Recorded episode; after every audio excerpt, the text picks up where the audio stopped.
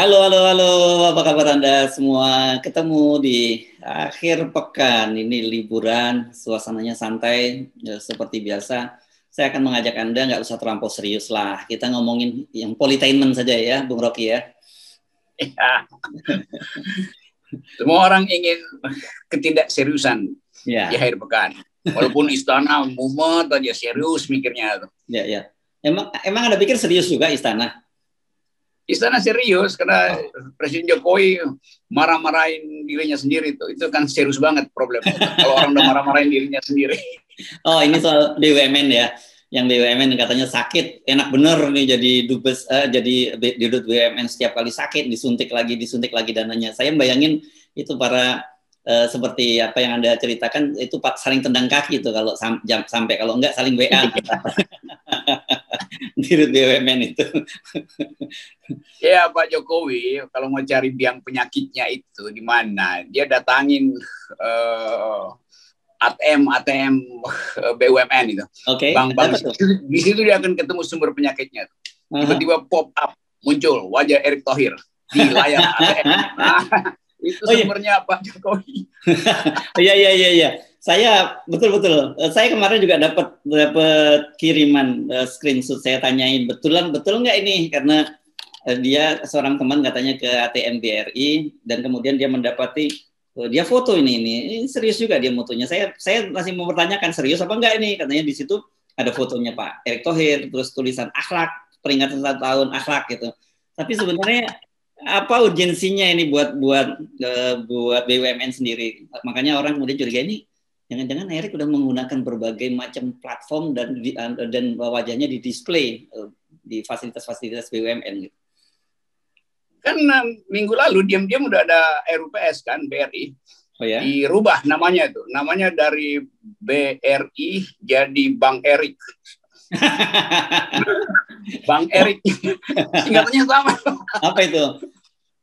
Bank Rakyat Bank Rakyat Indonesia sekarang jadi Bank Erik. BRI, BRI. Bro Erik. Anda bercanda saya kira ini ya. Iya iya iya. Tapi saya kira sah karena sekarang para eh, para calon presiden itu sudah mulai mematut-matut diri gitu ya. Sebenarnya boleh-boleh aja gitu. Tapi yang nggak boleh tentu saja para pejabat ini memanfaatkan berbagai fasilitas negara ya. Saya kemarin eh, selain dapat screenshot dari Erick Thohir, ada juga kiriman soal Ganjar di Akademi Kepolisian gitu. Dan dia di pakai ceramah di situ ceramah. Kalau nggak nggak salah pakai bintang 4 gitu baju polisi. Ini juga aneh juga. Dan sebagai orang yang lama e, di dunia televisi saya paham betul bahwa itu bukan pengambilan video biasa. Itu betul-betul disiapkan e, ada semacam apa ya storyboardnya dan sebagainya. Dan multi kamera itu video-videonya itu Bung Rocky Ya itu kemarin kan saya habis ledek. Kan ada milenials yang saya ada grup milenials loh, anak-anak SMA yang memperhatikan. Ya itu mereka memperhatikan itu jaringan ada anak teman di Amerika, Australia itu yang di Jakarta.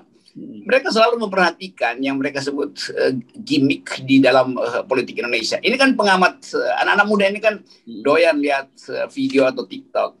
Jadi waktu Pak Ganjar itu masuk di televisi sebagai pengajar, itu juga ditepukin sama anak-anak itu. Wah, Om Rocky, si Uban masuk lagi itu. Jadi Oh, si Uban.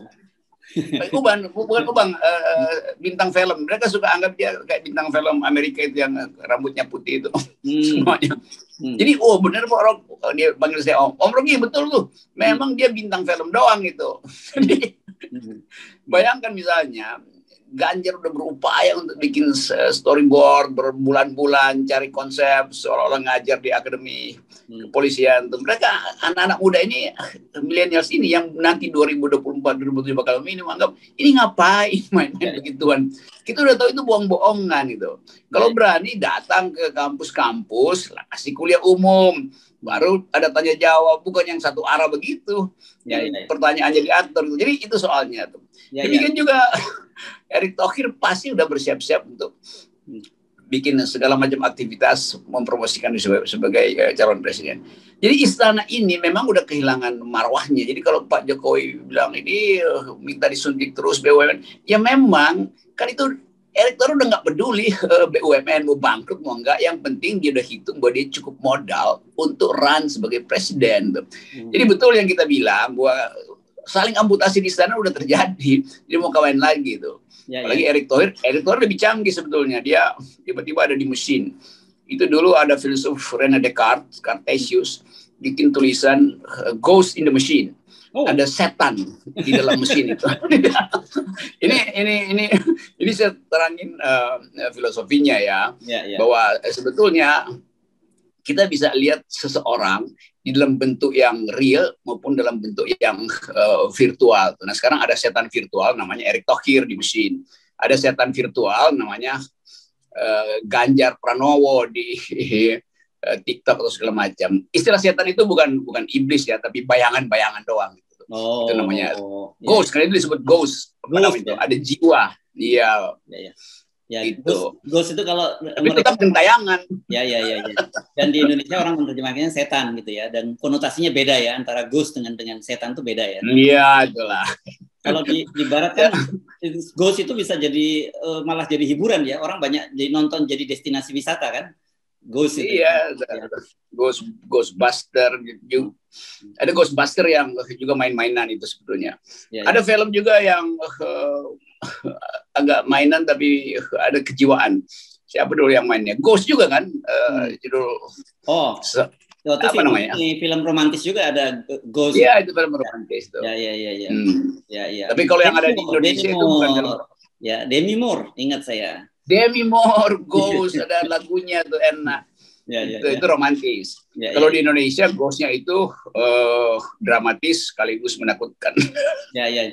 Nah kan kalau di di Barat ada tradisi juga yang haunted house gitu ya, rumah-rumah yang berhantu itu jadi haunted. Iya. Ada sekarang haunted machine atau haunted ATM gitu ya. dan, dan jangan dianggap itu anu itu apa uh, menakutkan itu malah kegembiraan gitu buat orang-orang semacam itu lihat itu. Bahkan uh, haunted palace Oh, haunted palace. Tanah yang nah, tetapi yang kalau tadi anda karena ngomongin uh, anak-anak milenial sebenarnya enggak uh, kita nyebutnya uh, digital karena sekarang ini udah generasi Z bung Rocky jadi ya. tidak hanya uh, milenial saja itu uh, mereka itu sekarang kalau kita lihat TikTok itu dekonstruksi terhadap kekuasaan itu dahsyat sekali bung, bung Rocky jadi pemerintah bisa bikin apa aja itu nanti sebentar lagi di TikToknya muncul uh, apanya semacam parodi-parodinya atau dekonstruksi terhadap uh, apa campaign yang dilakukan oleh pemerintah. Iya, ini ini generasi dekonstruktif sebetulnya. Ya memang lagi mantau nih. Mereka ini sebentar lagi tuh kayak video-videonya Ganjar itu tuh pasti di TikTokin hmm. dan dijadiin satir, kemudian diolok-olok nanti tuh. Hmm. Jadi percuma sebetulnya kalau orang semacam Ganjar, Erick Thohir, dia nggak datang ke universitas atau SMA lah hmm. buat eh, bercakap-cakap dengan uh, millennials. Karena milenials ingin tahu secara real apa isi pikirannya, bukan apa isi pikiran yang disutradarai. Kan, kan semua itu kan pikiran yang di di manufaktur, manufacturing uh, ideas sehingga mesti pakai storyboard. Tuh ngapain? Ngapain Ganjar pakai empat bintang di situ tuh? Padahal terlihat betul bahwa di belakangnya ada yang ngasih arah tuh ini lihat ke kiri lihat ke kanan nanti uh, kalimat ini diucapkan jadi tidak real sebetulnya. Nah, hal-hal semacam ini yang dianggap sebagai uh, ghost in the machine itu. Oke, okay, menarik kita ghost in the machine. Oke, okay, tetapi Anda sebut tadi seperti saling mengamputasi. Saya nggak tahu apakah Pak Jokowi maksudnya juga seperti itu. Karena orang bisa menafsirkan ketika marah itu satu, dia marahin dirinya sendiri karena sebenarnya uh, eh, BUMN itu bang, uh, bangkrut dan punya utang numpuk itu karena kan penugasan dari Presiden Jokowi. Yang kedua, saya ini juga dapat nih foto-foto. Saya nggak tahu mungkin diambil dari media. Ini foto uh, jo, uh, Erick Thohir sedang memegang sapu dan apa sih namanya kalau tempat sampah itu uh, nyebutnya itu. Uh, pengki. Pengki ya, pengki di depan logo BUMN. Mungkin itu maksudnya simbolnya dia bersih-bersih gitu ya dan uh, inline dengan yang tadi akhlak. Akhlak ini kan soal apa ya moralitas yang baik gitu. Tapi kan dengan statement dari Pak Jokowi tadi itu kan juga langsung mendekonstruksi campaign yang sedang dilakukan oleh oleh Eri karena ah nggak bener nih BUMN-nya kan begitu Bung. Itu kalau pepatah kalangan digital hanya sapu yang bersih yang bisa membersihkan lantai kotor. Oke. Okay. Jadi ya kalau sapunya kotor ya makin kotor lantainya. Ya. Kan kita tahu BUMN ini isinya udah kotor semua, kotoran semua tuh. Hmm. Ya, ya komisarisnya kotoran semua kok bagaimana coba? Nah. Bagaimana membersihkan lantai uh, korupsi supaya keuangan kita betul-betul terlihat uh, prudent kalau komisarisnya nggak ngerti membaca neraca? Kan banyak komisaris yang ditaruh sama Erick Thohir kan pesanan politik. Ya, ya. Bahkan uh, karena datang dari partai politik atau relawan politik, maka dia pasti kotor dari awal itu. Padahal neraca BUMN harus dibersihkan justru. Dan itu nggak mungkin uh, diteliti oleh mereka yang tidak bisa membaca akuntansi dan sekaligus datang dari uh, halaman yang kotor. Halaman partai itu kan halaman kotor, ya, apalagi ya. halaman relawan. Ya, ya. Oke, ngomongin penelitian, ngomongin komisaris, uh, ini ada publikasi baru. Tapi saya kira tadi Anda menyebut uh, ini pernah di sudah muncul ya soal penelitian ini serius ini dilakukan oleh LP3IS, Undip, Universitas Diponegoro, UII, Drone Emprit, University of Amsterdam, serta KI eh, TLV Leiden. Ini soal pasukan cyber nih yang disebutkannya di sini bahwa eh, mengindikasikan kegiatan pasukan cyber didanai politisi senior, orang di lingkaran eh, menteri eh, di, eh, dan juga eh, pengusaha kaya. Nah, kemudian disebutkan di situ bahwa ada kelompok-kelompoknya, ada uh, ada itu cuma buzzer saja yang di levelnya paling kasta paling rendah, ada koordinator, ada konten kreator dan kemudian ada influencer. Nah, influencer inilah yang sebagian menjadi uh, apa komisaris. Itu Bung Rocky. Ini Anda ingat ya, beberapa tahun yang lalu ada penelitian dari Oxford University juga ya, tapi waktu itu global. Yeah. Nah, dan Indonesia tapi disebut juga di situ. Nah, ini saya kira sangat menarik juga fakta-fakta ini, Bung Rocky. Betul, dan itu memang mengingatkan ulang pada eh, riset dunia tentang post-truth, tentang uh, pembuatan pengendalian opini melalui sistem algoritma yang dikendalikan dari mesin-mesin uh, penipu itu. Jadi sebetulnya LP3S, LP3S adalah lembaga yang dari dari zaman Orde Baru kita percaya karena kredensialnya, karena kemampuan dia untuk bersikap betul-betul uh, metodologis tuh. Dan saya punya banyak teman di situ yang uh, walaupun orientasi politiknya beda-beda, tapi mereka strict pada metodologi itu. Jadi sinyal dari AP3S hendak mengucapkan ulang bahwa menjelang 2024 ini hal-hal semacam itu masih akan dilakukan. Karena nggak ada cara lain. Politisi ini nggak ada cara lain selain menyewa mesin-mesin pemalsu kebenaran ini. Mereka nggak berani untuk bertengkar secara akademis masuk uh, ke FNN minta diwawancara misalnya karena dia punya ide kan mestinya fairnya begitu. Kalau seorang punya ambisi jadi presiden, ingin jadi politisi, dia datangin media massa bilang saya punya ambisi dan saya tahu saya bisa pertahankan ambisi ini, maka ujilah saya. Karena dia takut diuji, maka dia pergi pada penyewa-penyewa opini publik ini kan. Jadi itu kira-kira itu. Nah, mereka sebetulnya diternakkan tadi oleh oligarki melalui fasilitas media massa, media sosial terutama. Ya. Iya iya benar karena disebutnya ini bukan hanya bukan hanya karangan politisi tapi karangan pengusaha kaya disebutnya. Pengusaha kaya ini kan sebenarnya kita sebut biasa di Indonesia taipan atau para oligarki ini ya. Eh, atau backbone dari oligarki. Jadi nah mereka peneliti ini menarik adalah memeriksa percakapan di media masa eh, di media sosial itu terkait pemilu 2019, revisi undang-undang Komisi Pemberantasan Korupsi, kebijakan normal baru ya waktu itu berkaitan dengan pandemi, terus undang-undang Cipta Kerja dan juga ada soal eh, apa pertempuran di memperebutkan Partai Demokrat. Jadi sekarang dengan penelitian ini kita semakin terkonfirmasi bahwa semua isu-isu yang eh, muncul di publik itu adalah fabrikasi gitu ya dan ada mesin yang bekerja. Betul, jadi fabrikasi itu udah jadi bagian dari aktivitas politik. Tapi itu hal yang buruk, bagian yang buruk gitu. Kalau bagian yang bagus ya dipakailah teknologi itu untuk memantau orang miskin di mana misalnya itu. Kan di Pakistan atau Bangladesh kita bisa tahu di mana pusat-pusat kemiskinan hanya dengan memantau percakapan uh, dari desa-desa itu loh. Kan kita bisa langsung tahu oh dia pakai handphone yang murahan berarti ini dari desa yang murah gitu. Kualitas gambar yang diupload itu menunjukkan bahwa uh, kemiskinan masih ada di desa-desa. Jadi mestinya kita pakai teknologi untuk membaca kemiskinan dan problem sosial itu. Jenis kalimatnya bisa kita tahu tuh. Itu fungsinya big data. Dan dengan bantuan artificial intelligence kita bisa petakan di mana ada orang miskin, di mana yang diperlukan bansos yang tepat itu. Nah itu yang nggak dipakai oleh istana. Istana justru pakai teknologi yang sama untuk kepentingan arogansi, untuk kepentingan uh, nipu kebijakan tuh. Demikian juga pengusaha pasti ingin supaya dia tahu di mana potensi dia untuk uh, menyogok.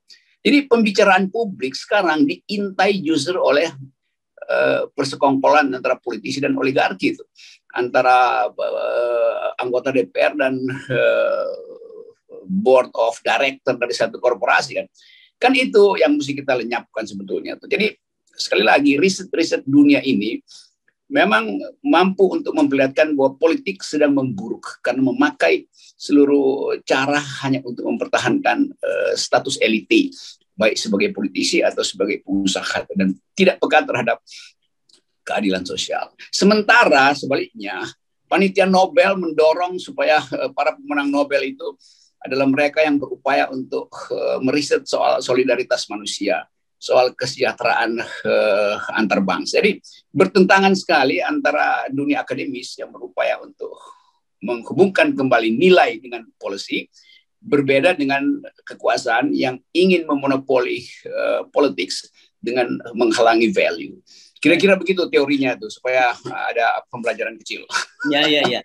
Nah, dengan dengan riset ini saya kira kita perlu memberikan catatan kepada publik ya gitu bahwa sebenarnya isu-isu yang muncul terutama di media sosial dan juga media kita. Ini karena di sini disinggung juga sayangnya itu media tidak terlampau kritis gitu ya menyikapi eh, hal-hal semacam ini. Jadi kan kita sering sekali mendapatkan trending topik uh, gitu ya. Jadi trending mm-hmm. topik dan sebagainya itu bisa difabrikasi dan kecuali tentu saja yang uh, bisa diteliti kalau mereka itu akun-akunnya akun organik gitu ya, bukan robot. Dan biasanya kalau akun akun organik ini apa boleh buat itu memang akun oposisi yang kritis dari pemerintah dan kalau akun yang pro pemerintah itu mayoritas pasti robot gitu. Ya itu kalau saya perhatikan itu bahkan setingkat dirjen miara robot, hmm. miara buzzer, miara hoax sendiri. Jadi Bayangkan misalnya satu kabinet itu isinya adalah buzzer, isinya adalah eh, robot-robot uh, itu tuh. Hmm. Karena nggak percaya pada public ethics kan. Dia nggak percaya pada yang disebut deliberative demokrasi bahwa demokrasi bisa dicapai dengan percakapan jujur. Dia memanipulasi semua dalam upaya untuk uh, memenangkan dirinya sendiri dan kelompoknya dan dalam upaya untuk menserve presiden kan. Hmm. Sehingga presiden juga akhirnya nggak nggak bisa lagi punya akses pada uh, real truth gitu. Yang dibaca presiden itu semuanya palsu, hoax semua itu yang disodorkan pada presiden. Hmm. Kan kalau presiden paham keadaan, dia nggak akan bilang ini kok disuntik melulu. Loh dia sendiri yang yang memerintahkan BUMN untuk lakukan tugas negara itu. Nah karena itu mesti disuntik dengan APBN kan. Jadi ngaco betul kan. Itu artinya presiden ya sering kali kita sebut dengan istilah dia tidak punya kapasitas untuk melihat masalah secara konseptual gitu.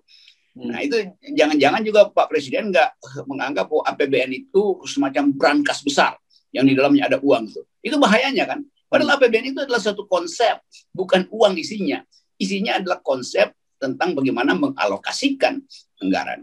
Jadi eh, ini ini ini akibat dari uh, pemilu yang basisnya adalah elektabilitas bukan intelektualitas ya, ya, ya, di masa lalu. Nah, saya lagi mikir-mikir ya, kenapa Presiden Jokowi bisa marah-marah, eh, bisa bukan marah ya, nyindir-nyindir BUMN, tapi kemarin uh, tiba-tiba memutuskan untuk memberi uh, dana APBN untuk kereta api cepat gitu. Apakah Presiden ini tercerabut karena tadi tidak mendapat suplai data yang benar, tercerabut dari realitas dan, dan kemudian hidup dalam realitas yang semu gitu, sehingga muncul statement-statement yang yang kadang-kadang orang mikir kok bisa ya Presiden ngomong seperti itu gitu. Itu artinya presiden ingin keretanya cepat, tapi pikirannya lambat dia. Ah. Sehingga dia nggak bisa kejar tuh. Hmm. Jadi hmm. sekali lagi di dalam kabinet itu orang bikin rapat. Setelah selesai rapat itu saling pelangap-pelongo tuh. Ini apa yang diputusin kan? Nanti tunggu orang ambil uh, inisiatif. Pasti Pak Luhut lagi yang akan dibebankan. Jadi semua merasa, ah udahlah silakan presiden pimpin rapat tuh nggak ada isinya tuh. Hmm. Kenapa? Karena pada akhirnya Pak Luhut yang akan beresin masalah-masalah ini. Jadi yeah. jarak antara kereta api cepat dan pikiran lambat presiden itu yang menyebabkan bangsa ini terpuruk. Oke, okay. nah sekarang saya kira kita perlu memberikan notes semacam catatan kepada publik. Satu, eh, ini eh, riset ini semakin menegaskan kepada kita bahwa sekarang eh, semua opini-opini sekarang ini sudah sudah melalui fabrikasi. Jadi setiap kali menyikapi info-info yang muncul, terutama dari istana, dari kalangan kabinet dan juga kelompok-kelompok kepentingan itu kita mesti bersikap skeptis gitu ya. Sebagai media orang sebagai media kan selalu begitu skeptis. Juga kedua ini melengkapi bahwa sebelumnya juga setiap kali nah kita perlu ulang lagi setiap kali anda membaca hasil survei khususnya berkaitan dengan elektabilitas seorang seorang uh, calon presiden anda juga mesti curiga dulu. Siap Anda cek dulu siapa lembaga surveinya, bagaimana track record lembaga survei ini gitu, sering salah nggak prediksinya pada waktu itu dan kemudian dia mendeklar dananya siapa gitu, dari mana dia mendapatkan uh, dana itu. Itu penting saya kira catatan-catatan semacam itu ya, uh, Bung Rocky dan media juga jangan main uh, muat aja setiap kali ini naik elektabilitasnya naik gitu. Akhirnya muncul nanti seperti Puan membuat elektabilitas sendiri. Elektabilitas apa di waktu itu digital ya, kita FNN hanya ingin mengingatkan supaya kita pulihkan kecerdasan masyarakat sipil itu karena masyarakat sipil adalah mereka yang berupaya untuk menghasilkan ulang Indonesia pada taraf yang berandap secara intelektual dan bermutu secara kesejahteraan. Jadi sekali lagi dulu kita tahu bahwa ide tentang uh, fabrikasi ini itu udah diriset orang semacam yang sangat terkenal itu eh, Noam Chomsky, Aha. seorang matematikawan dari eh, profesor di MIT, tapi sekaligus kritisi sosial yang kuat sekali. Dia tulis buku Manufacturing Consent, yeah. apa namanya konsensus atau pendapat yang dimanufaktur, yang difabrikasi tadi istilahnya. Hmm. Jadi kita juga ada di dalam keadaan itu justru karena ketiadaan forum untuk bertengkar secara rasional. Hmm. Jadi itu intinya. Nah, FNN menyediakan diri menjadi forum pertengkaran rasional. Silahkan siapa yang mau jadi presiden, Ganjar, Puan, Erick Thohir datang ke FNN, beritahu bahwa saya mau jadi presiden, maka saya minta diuji di panel FNN. Itu baru bermutu tuh, bukan diam-diam masuk ke dalam mesin ATM itu mah bisa nanti Ya karena nanti satu waktu itu bahaya kalau kartu ATM saya nggak bisa keluar tertelan mesin itu nanti kita makin-makin Erick Thohir juga kan karena yeah. wajahnya yang ada di situ itu artinya ATM kita kartunya ditelan oleh uh, ghost in the machine yang namanya Erick Thohir. Oke, selamat uh, menikmati akhir pekan. Jangan lupa besok itu hari Senin. Uh, jadi uh, silakan uh, hari ini nikmati waktu bersama teman-teman, bersama keluarga dan jangan lupa tetap jaga protokol kesehatan. Walaupun sekarang tingkat vaksinasi sudah cukup tinggi, tetapi itu bukan jaminan untuk tidak ada penularan atau gelombang gelombang apa ya? Gelombang kedua atau ketiga dari um, corona? Ya, sangat mungkin ada serangan baru di Desember. Karena saya lihat ada mulai ada kelalaian, termasuk teman-teman mahasiswa. Berapa kali saya uh, lihat di dalam uh, diskusi antar mereka ada yang udah nggak pakai masker gitu. Hmm. Kemarin saya masih kasih kuliah umum di Universitas Ibnu Khaldun juga beberapa mahasiswa terlalu antusias sehingga nggak pakai masker. Jadi saya ingatkan sekali lagi bahwa kesehatan nomor satu, nomor dua adalah uh, akal pikiran. Jadi kalau kesehatan nggak ada, nggak ada gunanya kita ngomong akal sehat. Hmm. Jadi yang nomor yang lain itu nomor tiga semua itu mau Erick Thohir, Ganjar segala macam, Jokowi itu nomor tiga aja. Kesehatan nomor satu, nomor dua akal sehat. Yang lain boleh jadi nomor buntut. Oke. Okay. Terima kasih Bang Rogi. Sip.